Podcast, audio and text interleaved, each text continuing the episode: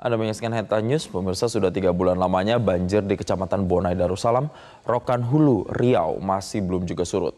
Warga pun mulai terserang berbagai penyakit. Banjir di Kecamatan Bonai Darussalam sudah terjadi sejak bulan Oktober 2023. Ada tiga desa terparah terdampak banjir yaitu Desa Sontang, Kasang Padang, dan Kasang Mungkal dengan jumlah rumah yang terendam hampir mencapai 1.158 rumah dengan jumlah warga terdampak mencapai 4.093 orang. Banjir disebabkan luapan sungai Rokan Kiri serta diperparah dengan kondisi geografis Kecamatan Bonai Darussalam yang merupakan dataran rendah serta pertemuan dua sungai besar di Rokan Hulu.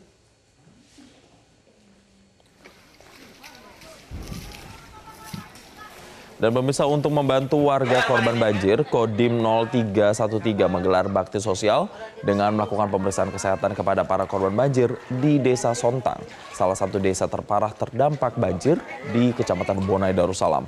Dalam kegiatan ini TNI AD mendatangkan tim medis dan obat-obatan guna melakukan pemeriksaan kesehatan kepada warga korban banjir. Banyak warga yang mengeluhkan gatal-gatal hingga hipertensi akibat berbulan-bulan hidup di tengah kepungan banjir. Sebagian besar warga yang mengeluhkan sakit umumnya merupakan warga lansia, ibu-ibu, hingga anak. Dan pemirsa selain pengobatan kepada warga, TNI juga mendirikan dapur umum dan menyerahkan bantuan logistik bagi para korban banjir di Kecamatan Bonai Darussalam.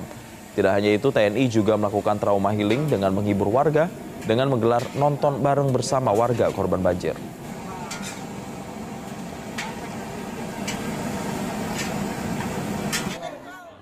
Masyarakat dalam bentuk bakti sosial membantu kesulitan rakyat yang ada di desa Sontang ini dengan pelaksanaan membagi sembako, kemudian ada pengobatan massal, kemudian juga ada psikologi yang untuk membantu anak-anak uh, tetap dalam kondisi yang terjaga.